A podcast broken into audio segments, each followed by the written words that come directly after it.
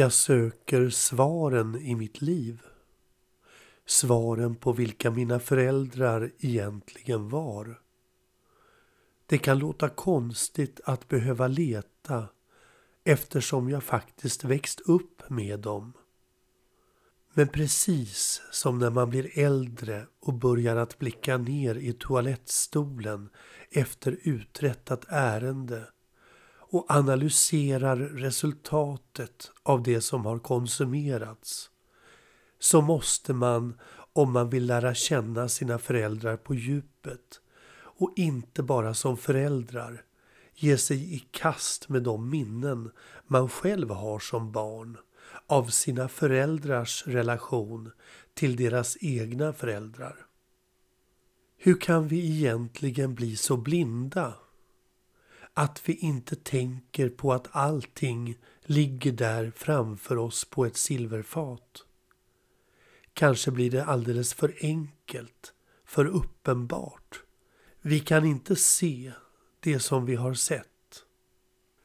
På Hallmöben hemma hos min farmor och farfar på Stora Sällskapets väg i Bredäng stod ett fotografi på en pojke och hans mamma.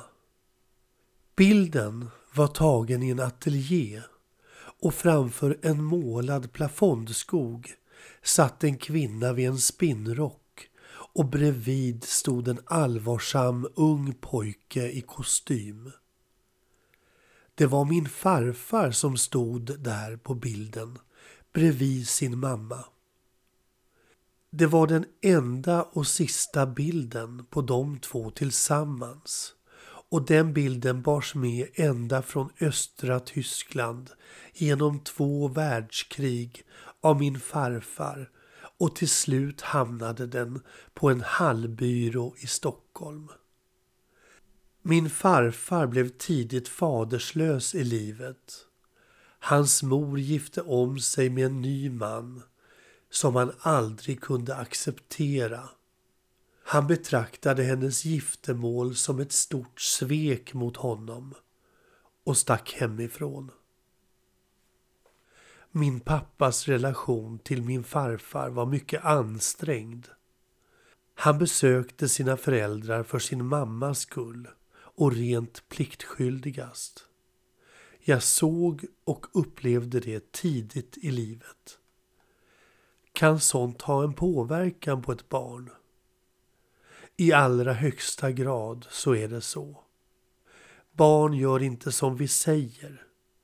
Barn gör som vi gör. Och min mammas relation till sin mor var också svår. Hennes pappa lämnade henne som barn och hon svor att aldrig mera träffa honom. För henne så var han att betrakta som död. En del av oss säger ibland att vi absolut inte vill bli som våra föräldrar. Men det kan vi inte styra själva. För när vi kopplar av vår hjärna för en stund så sker allt sammans ändå genom signalsubstanser i våran arvsmassa. Inget att göra åt. Det är tufft att vara människa. Vi är inte så unika som vi tror. Vi är bara våra föräldrar upp i dagen. Jag ser programmet Spårlöst på TV. Unga människor som letar efter sina föräldrar. Bortadopterade människor som har ett behov att till slut få visshet i vilka de själva är egentligen. Någonstans måste vi börja leta i jakten på vilka vi är.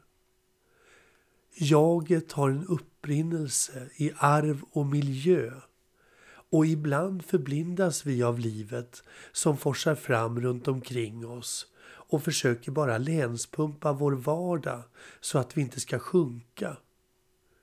Men när barnen har flyttat ut och vi kan sätta oss på toaletten med en tidning och läsa i lugn och ro, då är vi redo att ta tag i oss själva. Och då faller det sig naturligt att innan vi spolar så slår vi ett getöga på dagens fångst och funderar på vad vi har stoppat i oss. Och kanske har vi då också tid att tänka på de tidigare generationernas liv. Och små pusselbitar uppstår plötsligt och om vi lägger dem samman så ser vi produkten framför oss i badrumsspegeln när vi tvättar våra händer.